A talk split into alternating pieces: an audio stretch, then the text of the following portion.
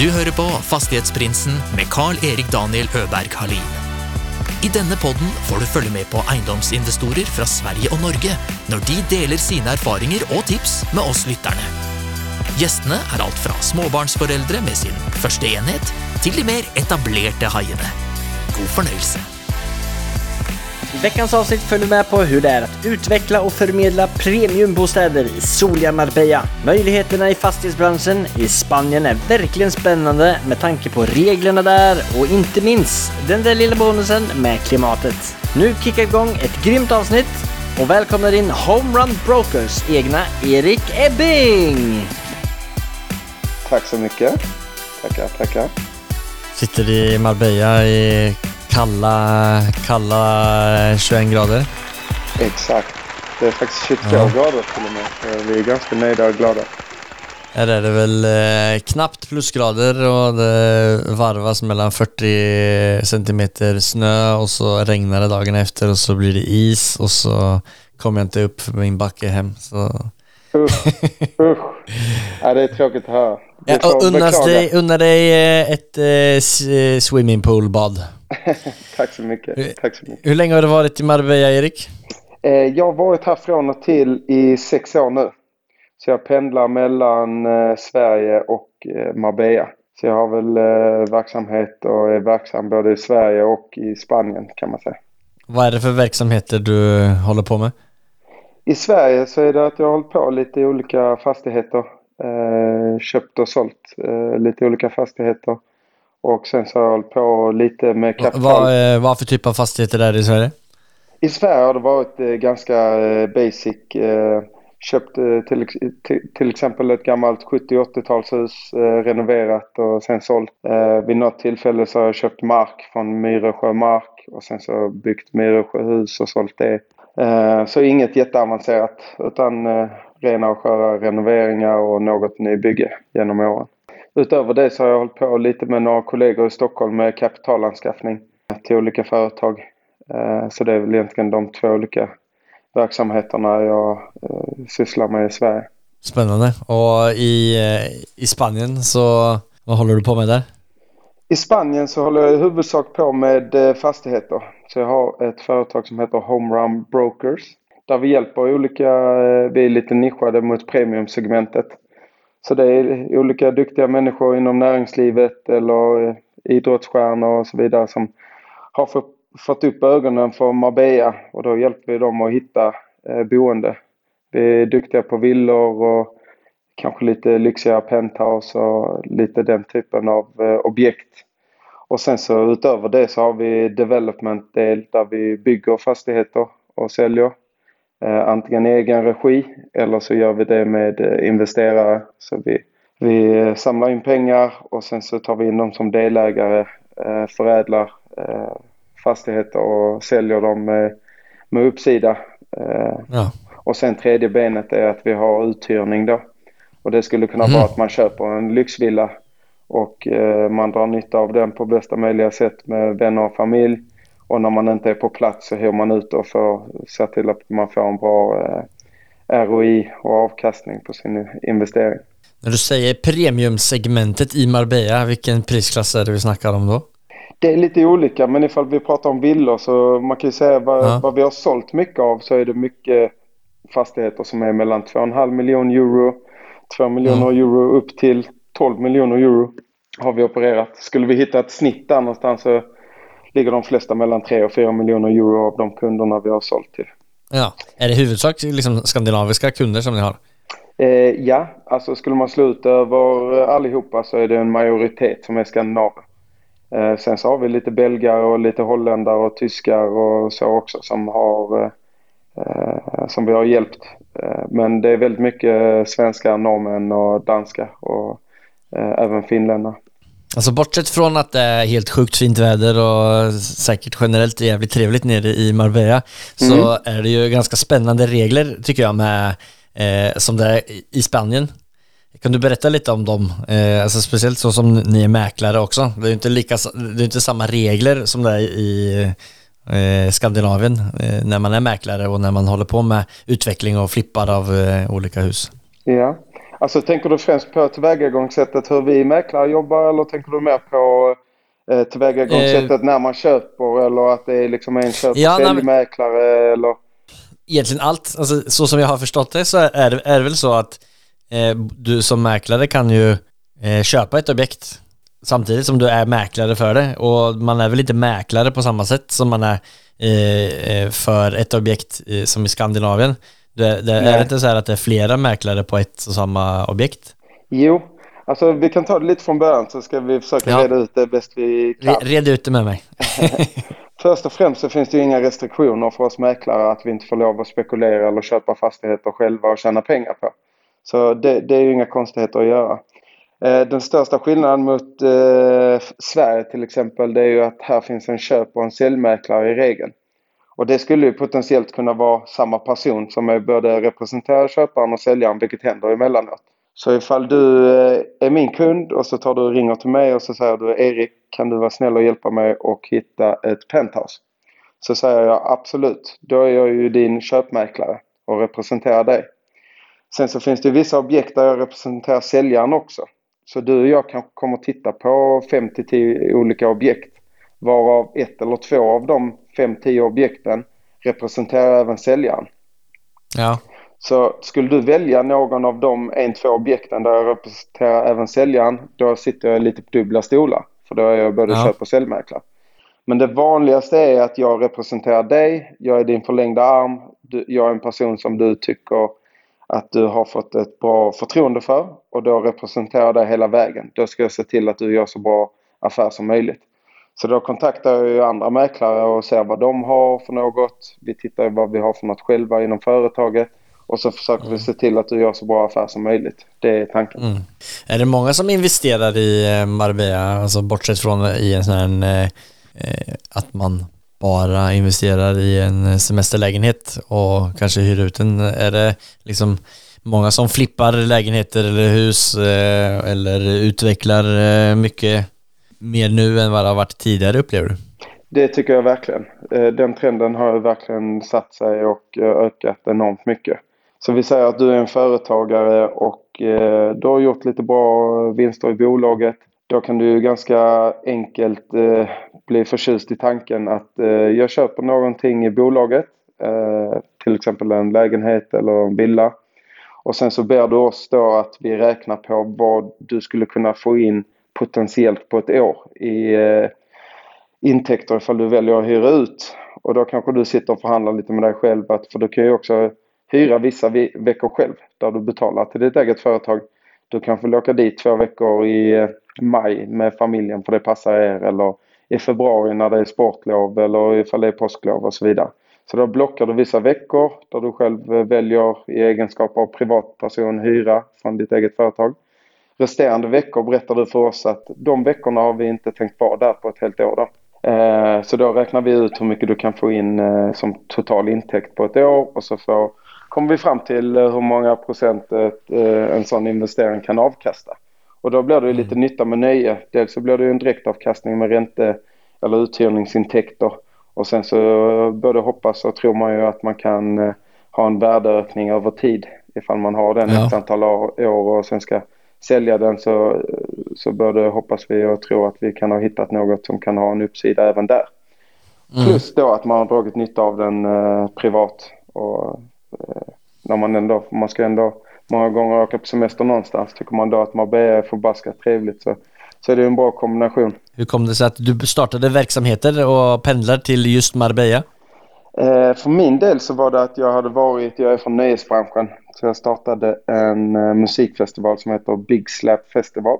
Uh, okay. Så jag var verksam i den här musikfestivalen men även i nöjesbranschen. Så jag var ganska aktiv i Malmö med olika konserter och uteställen och så.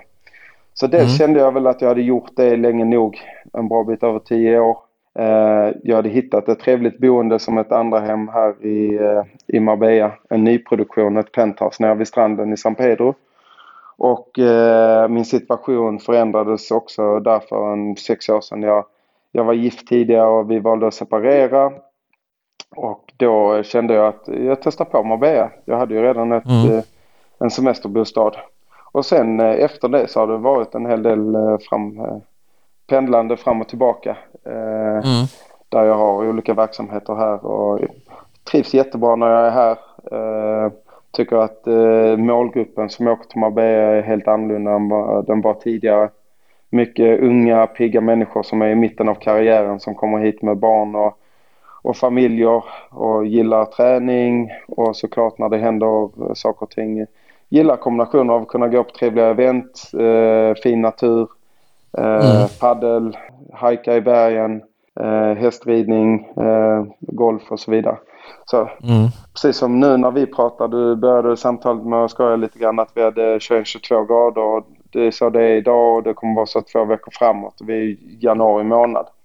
Och att ja. kunna ha det som en vardag är ju väldigt trevligt. Eh, det är inte många ställen i Europa som kan eh, ha Nej, en, en, temperatur över 20 grader och strålande sol. För sex år sedan när du började eh, kanske rikta in dig på att vara lite mer i Marbella, startade du med fastighetsinvesteringar då? Eller vad var det som du startade med då? Eh, startade du med mäkleriet först? Eh, svaret på den frågan är att jag startade faktiskt en restaurang med eh, några vänner eh, en libanesisk eh, restaurang som heter Okko. Aha. Så det är okay. libanesisk mat, men det är en internationell restaurang med ett libanesiskt kök, så kan man säga. Så det är ganska okay. trendig och trevlig inredning.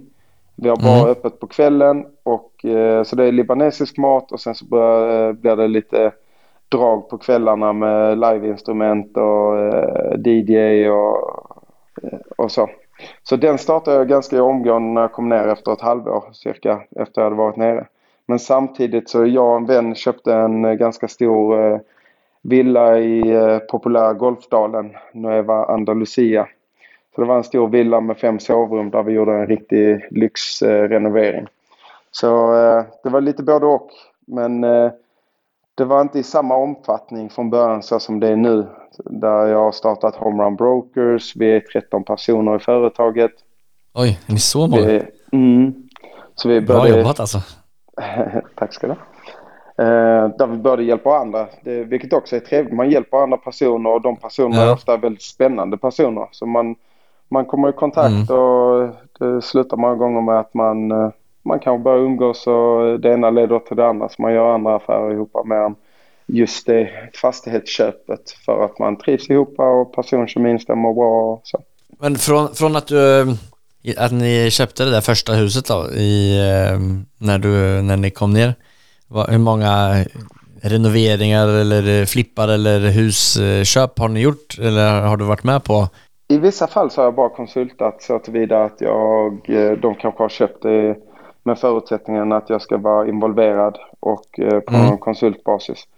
Men mm. eh, ifall man säger som så, ifall man slår ihop lägenheter och eh, hus och, och, så, där jag har varit en del av, oavsett om jag har ägt 100% eller om jag har varit ja. en delägare i projektet, så skulle jag säga att jag har gjort eh, cirka 20 projekt. Det är ju ganska bra jobbat och jäkligt inspirerande tycker jag när man kommer till ett annat land, för det ju, måste ju vara ganska mycket olika regler som du måste sätta dig in i. Det är väldigt mycket olika regler och eh, man måste jobba väldigt mycket med sitt tålamod. och eh, komma fram man gärna, till Man gärna, eller? Ja, exakt. Och, eh, det, det gäller att gilla läget där och försöka vända det till sin fördel istället. Ifall många tycker att det är liksom lite bökigt att göra affärer här så ska man ju se det som en stor fördel för det, det stämmer. Mm. Men kan man anpassa sig och eh, förebygga och vara lite proaktiv så kan man vända det till sin fördel istället. Att man faktiskt hittar en metod som funkar bra i ett be besvärlig miljö. Om man säger så. Eh, nej men sen så att man skapar sig sin egen lilla cirkel och omgivning av människor som mm. faktiskt levererar i tid. Som har eh, liknande kultur vad det gäller att eh, göra affärer och tidslinjer och, och kvaliteter. Eh, det i kombination med att man anpassar sig efter yttre faktorer. Och yttre faktorer kan vara spanska myndigheter, notarier, mm. avgifter som man inte är van vid som kommer på toppen och, och så vidare. Vad kan det vara för avgifter och grejer som man inte helt förväntar sig komma? Ifall man jämför med Sverige så är det ju ganska mycket som kommer. Ifall du köper ett hus här som du ska renovera och du köper egenskap ja. av privatperson så betalar du först eh, 7% i transaktionsskatt Oj. och sen så 1,2 i stamp eh, duty. Så då är du uppe ja. på 8,2 procent eh, utöver det du har betalt för själva fastigheten. Oj, ja, det var ganska mycket. Men ifall du köper i bolag så kan du istället för de här sju så kan du då betala 2 procent skatt och sen Mhm. så eh, 1,2 stamp duty. Så då är det 3,2 procent istället för om man köper i bolag. Och då finns Ja. det vissa regler kring det här att eh, då ska man köpa det eh, i egenskap av att man ska, man ska göra affärer på, på det här objektet och därav måste man du måste sälja huset eller lägenheten då inom fem år ifall du ska dra nytta av den rabatterade skatten för att du har köpt i bolagsform. Kan man äga grejer i Spanien via ett eh, svenskt eller norskt eh, aktiebolag? Eh, det funkar bra. Det funkar bra. Mm.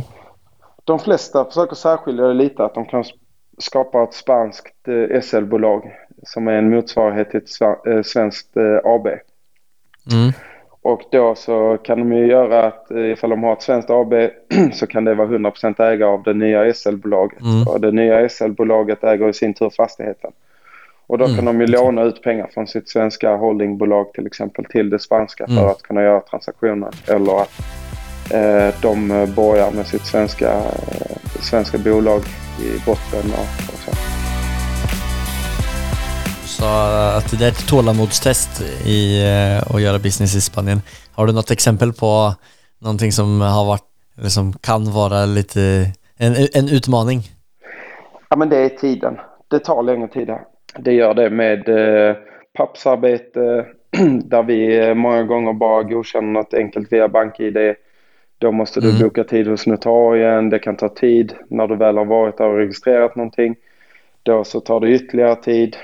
Eh, bygglov när man tycker allting är enligt alla bokens regler är inskickat. Tillhör du då Marbella kommun så finns det ju fall där det har tagit eh, kring eh, ett år bara för att få tillbaka bygglovet och så. Men Mhm. man, man kommer runt det. Man kommer fram till att det finns kanske andra regioner, till exempel Benavis, där vi själv eh, opererar mycket. Det är Spaniens rikaste kommun och det går mycket Okej. snabbare med bygglov. Du kan få det kanske på en åtta veckor. Så det, det kan vara sådana saker att folk väntar på sina bygglov och de tycker att det går så jäkla snabbt i Sverige och man godkänner något via BankID. Är de då inte på plats heller och de eh, kanske måste gå till eh, notarien eh, så, så blir det lite omständigt och det tar tid och det kostar pengar. Notori, Så- notorien, vad är det för någonting? Eh, notarien, det är spanska Notarien. myndigheter man går till, eh, till, till exempel när man gör ett ägarbyte. Då så åker man Okej. dit och sen så får du fylla i alla uppgifter och, eh, med din advokat och se till att göra Mm. ett ägarbyte och så. Hur är det med hantverkare och sånt? Jobbar de, eh, tar de mycket siesta eller? de, de, de gillar att vara lediga. Eh, Ja. ja. men det, det tar längre tid. De, de behöver Ja. absolut... Eh, det, närvaro krävs, så kan man säga. Sen så testar man ju sig fram. Eh, man kommer ju fram till vem som är duktiga och vem är duktiga på finish, vem är noggranna och vem håller Mm. sig till eh, det man har avtalat om och så. Så ifall man har hållit på ett tag så, så slipper man ju gärna det för man kanske har valt ut tre olika favoritföretag som Ja. byggbolag som faktiskt levererar bra. Eh, därav inte sagt att det inte krävs närvaro. Jag tror att det behövs även i Sverige. Att man är på plats, man följer upp, man, eh, Ja. man får trycka på lite när det inte blir gjort i tid och så. Om du var helt nybörjare eller om du, var, om du skulle ge tips till en eh, nybörjare som ville investera och hade 500 000 eh, och tänkte att Marbella is the shit eller Spanien. Vad hade du rådet dem till att göra då? Nej men det är nog att man går med någon som man, eh, man litar på och har ett gott förtroende till. Och på något sätt Mm. blandar in den andra parten. Vem det nu än är som de har en relation till. Som, som har gjort eh, detta här tidigare, som har trampat på många minor. Så eh, Mm. jag tror att kommer man som första gång köpa att man tänker att ah, detta reder jag ut själv för jag, min fru och jag vi är duktiga på inredning och vi har renoverat mycket i Sverige. Då tror jag ändå att det finns ganska stor chans att man eh, bränner sig faktiskt. Har du sett nå- något sånt hända?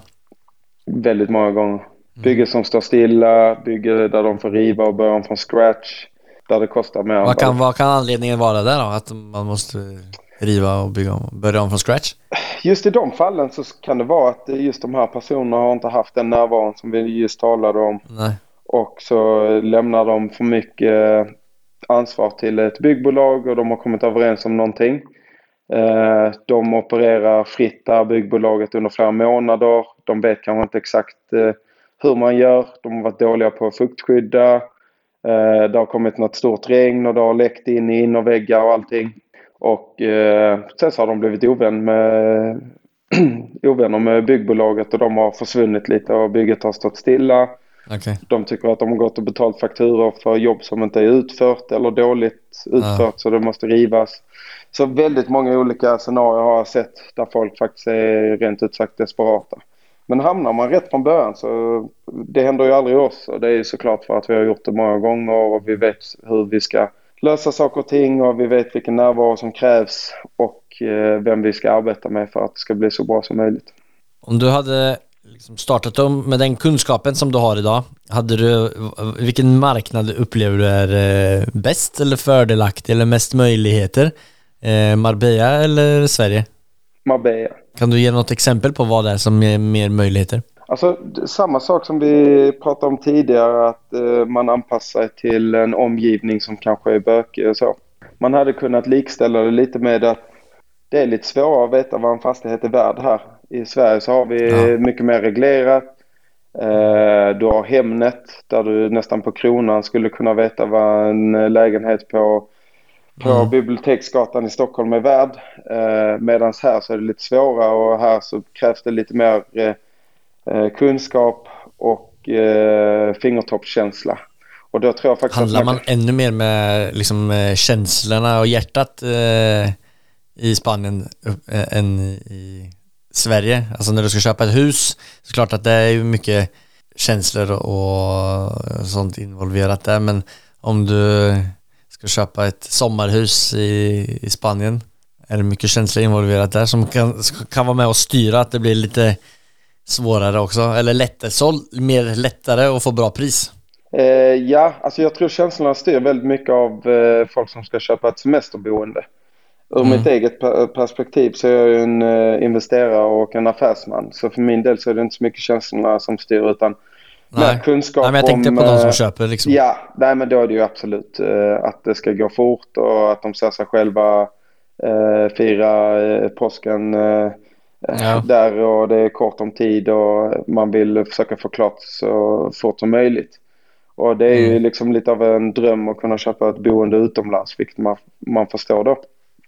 Och ja. då kanske det går lite för fort och att man har lite dåliga folk som hjälper en och eh, tänker mest på, på dem själva istället för att ja. komma fram till att hitta något riktigt bra för kunden. Så eh, det, ja, men då, då jag förstår jag att ni, att ni som är liksom seriösa och driver ordentlig business eh, där nere, att det går bra för er. Att man eh, tar, tar vara på de kunderna som kanske ser att de har begränsningar på, de har inte möjlighet till att köpa mark och bygga och följa upp och utan att de lägger, lägger det i händerna på andra eller att man köper direkt liksom nybyggen eller? Precis, eh, exakt så är det. Eh, vi försöker tänka långsiktigt och mycket av våra kunder vi får nu det är liksom kunder som vi har fått från befintliga kunder. Och mm. eh, det är alltid kul. Eh, man vill att kunder ska vara nöjda och glada. Och eh, gillar man att göra affärer och tjäna pengar så gör man nog bäst i att och vara ärlig och, och se till att eh, folk blir nöjda för då tjänar man ju ännu mer pengar ifall man blir rekommenderad till deras vänner och kan hjälpa dem. Dels blir det mycket roligare sätt att arbeta på men det, det blir också mer pengar över tid ifall man får rekommendationer av eh, sina befintliga kunder. Som investerare i Marbella eh, eller Spanien och vad, vilken typ av inriktning ska säga, eller föredrar du då? Är det eh, vad man ska kalla det, flipping eller eh, köpa, renovera och hyra ut? Eh, vilken marknad funger eh, fungerar bäst där? Det, alltså gillar man att förvalta så funkar det jättebra att köpa, renovera, mm. hyra ut eller köpa direkt något som är trevligt för ett vettigt pris att hyra ut. För min egen del så är jag ju mer eh, att jag hittar fastigheter där jag känner att jag skulle kunna addera ett värde och eh, där jag ser potential i eh, både inne i fastigheten men även området och att det finns en efterfrågan där. Då gillar jag att komma in och göra väldigt kreativa renoveringar som är smakfulla, addera värde och sen så lägga ut det till försäljning och hitta en bra uppsida. och hoppa in i nästa projekt. Har du bra öga för detaljer eller har du folk som har bättre öga för detaljer än dig? Ja, jag är faktiskt väldigt duktig på detaljer och eh, hur det ska se ut och kreativa lösningar och så. Och det, är- det är av den enkla anledningen att det, är min passion. Mhm. Ifall jag åker på semester så springer jag runt och fotar alla möjliga detaljer och lägger in i olika mappar och kommer Jaha, fram till okej. att stjäler olika idéer världen över Ja. och lösningar och när jag har visningar med kunder så kan jag fastna för lösningar där andra har varit duktiga och kreativa och tänker att Mm. någon typ av liknande lösning vill jag ha i något av mina projekt. Sen så kanske det blir Ja. ett annorlunda format eller annat material. Men Mm. det, det, det är de bitarna jag är duktig på. Eh, det är liksom få till den eh, touchen. Vart kommer det intresset ifrån eller har det alltid varit där? Jag har faktiskt alltid gillat att ha ett bo bra men där det är liksom lösningar som eh, jag själv har kommit fram till och där man har fått det precis hur man vill ha det. Jag är Mm. väldigt intresserad av belysningar och mysiga belysningar, släpljus, dolda ljus eh, och det är liksom grunden eh, till eh, väldigt mycket av en känsla i ett rum. Så jag börjar alltid Ja. att göra en lighting plan Okej. och placera belysningen i ett renoveringsobjekt eller Mm. i ett nytt projekt eller vad som helst så är, så är det en grymt viktig belysning. Ja. Så jag har själv bott i ett, en endaste gång i nyproduktion och det är alltid nytt och fräscht och fint och så men jag gillar mer när jag får eh, fritt göra exakt lägga din egen eh, touch. Ja, exakt. Jag föredrar det ifall, jag, ifall, det, ifall den möjligheten finns så, så, så föredrar jag det. Hur ser framtiden ut då för Erik? Eh, Är det fortfarande samma liksom kombination av eh, verksamheter eller är det mer all in på någon av dem eller är det något nytt som står eh, på glänt framöver? Jag tror att vi ska fortsätta lite på den inslagna vägen. Eh, som vi Mm. var inne på så är vi 13 personer nu.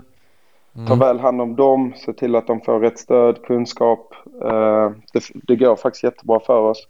Så att eh, eh, vi ska fortsätta med det. Lägga ännu mer eh, tid på development-delen. Ja, Och där har vi olika personer, eh, duktiga personer som inte ens kommer från fastighetsbranschen. Olika näringslivsprofiler och eh, där vi gör mycket affärer med. Där vi tar in, in, in Invest och eh, i samråd eh, gör olika projekt. Så vi har väldigt många olika projekt igång. Eh, vi har väldigt många investerare som har valt att återinvestera för att det har funkat väldigt bra. mm. Och, eh, så det väl egentligen utveckla och göra ännu fler projekt i development-delen. Liksom ja men vad roligt. Vi, eh, jag får eh, önska dig lycka till med det vidare och så hoppar vi vidare till vårt nästa segment som heter Affärsanalysen. Det är det segment där vår gäst delar med sig om en genomförd affär. Eh, lite vad det var för typ av deal och vad den kostade och vad det var något smått och gott med den. It has not been easy for me. And, you know, I, I started off in Brooklyn. My father gave me a small loan of a million dollars.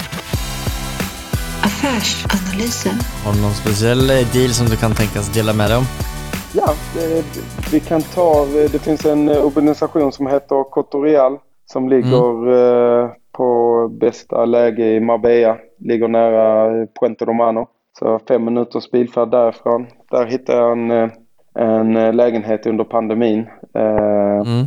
som var en fyra sovrummare med havsutsikt. Den hade väldigt mycket brister den här lägenheten. Med, eh, den var totalt nedgången men jag tror att vi såg ganska tidigt vad vi skulle kunna skapa. Så istället för att skapa ytterligare ett sovrum så gjorde vi som så att vi gjorde om den så det var tre sovrum istället för eh, fyra. Och gjorde en väldigt härlig stor master med walk-in closet och eh, jättestort härligt eh, öppet badrum där vi eh, hade en öppen spis och en tv-vägg mellan, mellan eh, sängen och eh, själva badrummet. Eh, vi byggde, gjorde väldigt mycket häftiga lösningar. Det var någon inbyggd sån här minibar där det var liksom så här smoked mirror med minibar. Så man bara klickar på den här träpanelen så var den lite dold i sängramen. Och, så där, där fick vi eh, leva ut alla våra fantasier. Och Ja, det lät var, som ett riktigt eh, fett hus. Eller fett lägenhet. Så det var faktiskt en, en lägenhet som jag köpte billigt. Den köpte jag för 350 000 Ja. eh, euro. Och sen så förädlade jag den för eh, cirka 200 000. Så vi hade ungefär en break-even på 600 000 euro med mäklaravgifter och andra skatter och så. Mm. Och sen sålde vi den för 1,1 miljoner eh, euro. Så det var en bra affär rent eh, procentuellt. Ja. Så det gjorde vi ganska nyligen. Eh, Okej. Sen kan man inte alltid räkna med de marginalerna och vi Nej. köpte rätt tid när folk var lite oroliga och så. Mm. Och sålde i en marknad där folk inte var så oroliga. Så Nej. rent procent, procentuellt så var det en bra affär. En jävligt bra affär. Har du varit med om, har du gjort någon eh, mindre bra affär i Spanien? Fundera nu, alltså när det kommer till fastigheter. Eh, vi alla har väl gjort dåliga affärer i våra liv. Men sen när jag kom till Spanien så känns det som att jag har haft eh, ganska tur faktiskt. Och, Du känner marknaden bra kanske och ja, har jag gått känner på dina marknaden. miner lite grann så du eh, klarar av att dodga de ställena eller de eh, möjligheterna Ja. som kanske inte är Man, man skulle kunna säga så här att jag har gjort mindre bra affärer där jag har tjänat, när jag, precis när vi startade så var det ett, två olika projekt där jag tjänade mindre än vad jag trodde att jag skulle tjäna. Ja, Så det får väl gå Ja. under benämningen eh, mindre bra affärer. Men så länge Ja. det fortfarande finns en uppsida får man vara glad och tacksam. ja eller hur? Jag har haft bra flyt och eh, lite tur eh, Ja. i de projekten jag har gjort här i Spanien. Ja men jättebra. Då närmar vi oss vårt sista segment som heter Fyra frågor och det är de samma fyra frågorna som vi ställer våran gäst.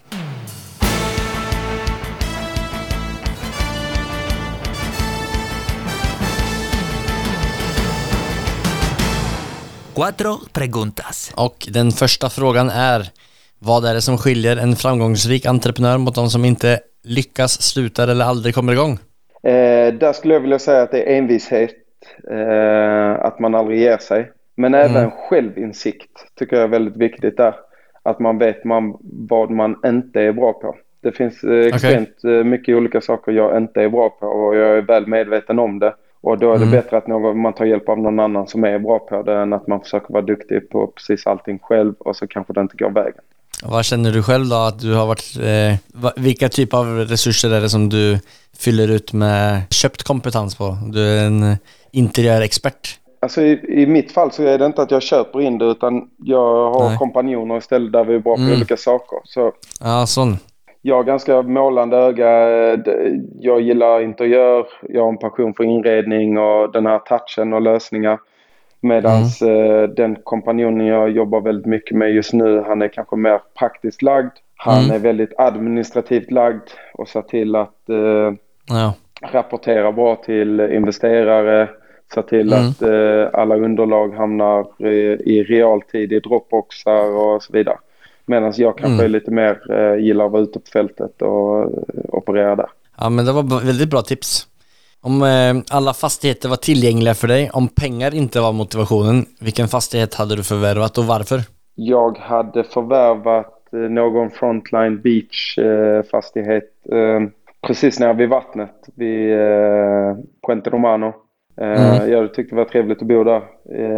Och det hade egentligen varit för att det är ett bra värde. Men du sa att pengar spelar ingen roll i, i, i ditt exempel. Så det hade varit för att bo själv och kunna promenera längs stranden varje morgon.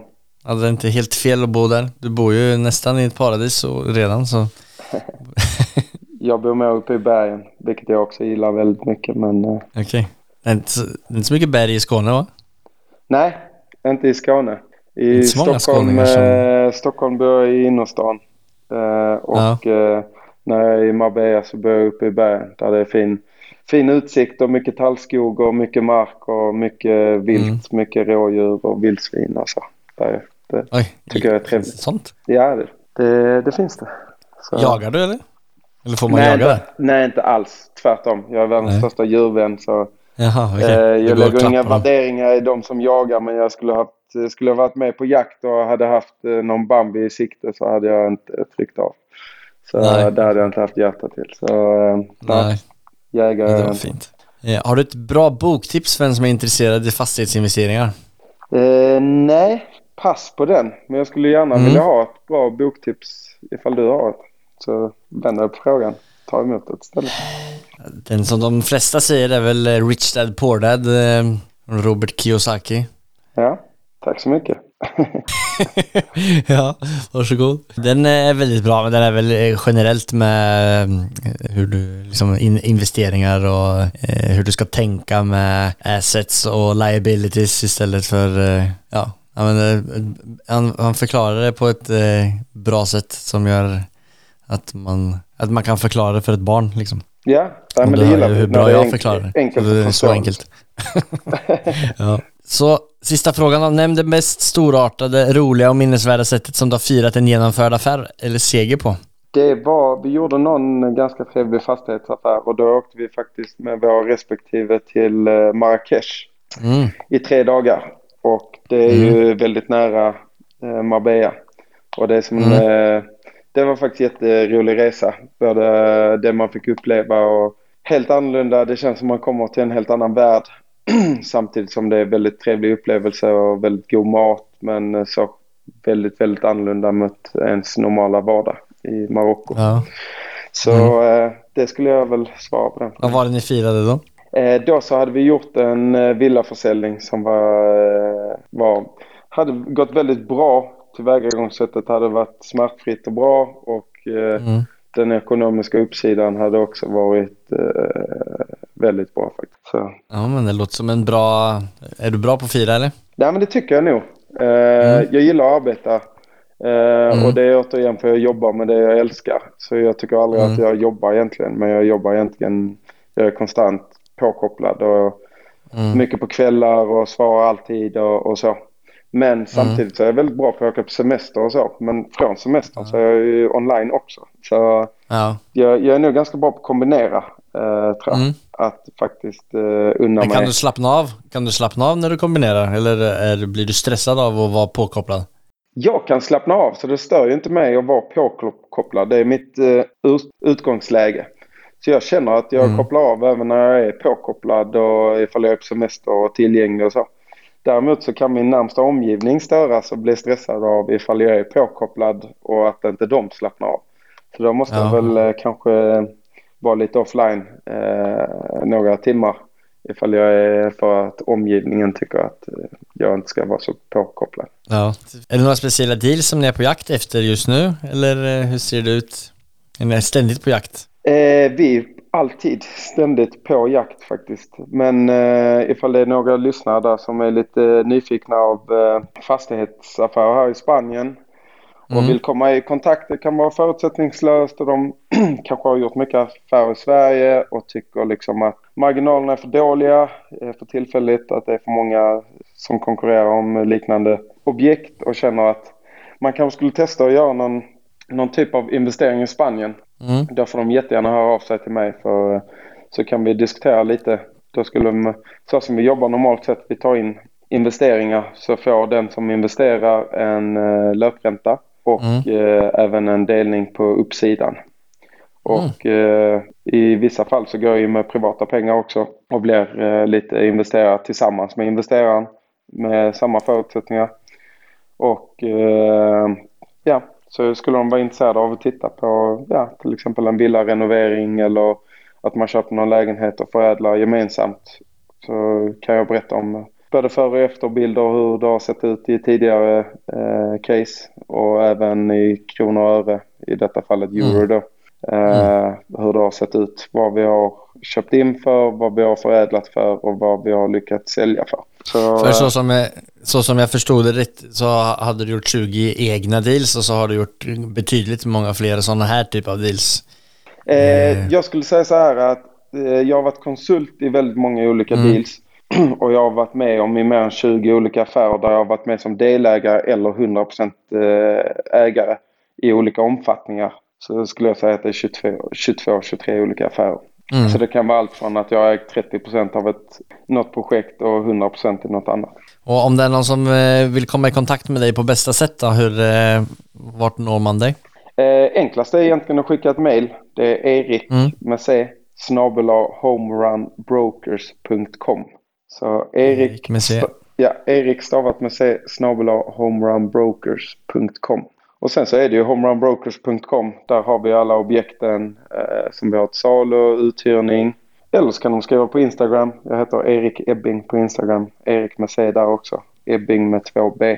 i ett ord. Grymt. Ja, men då länkar vi till alla de eh, sidorna på Ja. Podcastbeskrivningen så kan man gå in och finna dig där. Så eh, om du skulle vilja kasta vidare micken eftersom att det var så himla trevligt att sitta och prata med mig här till en branschkollega. Vem hade du då kastat vidare den till? Det finns en god vän här till mig som jag har gjort vissa affärer med men han gör en hel del affärer i egen regi. Eh, han Mm. heter Niklas Gadd. Han jobbar väldigt mycket med finans i Stockholm och kapitalanskaffningar.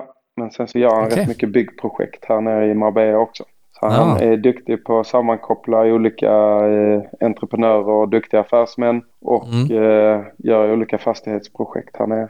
Så han skulle kanske vara spännande Ja, ja men det lät jättespännande. Han får, han, eh, du, får ju, du får ge han en wink-wink eh, och eh, Exakt. lägga in ett gott ord för mig så tar jag kontakt med honom. Verkligen, det ska jag se till att göra.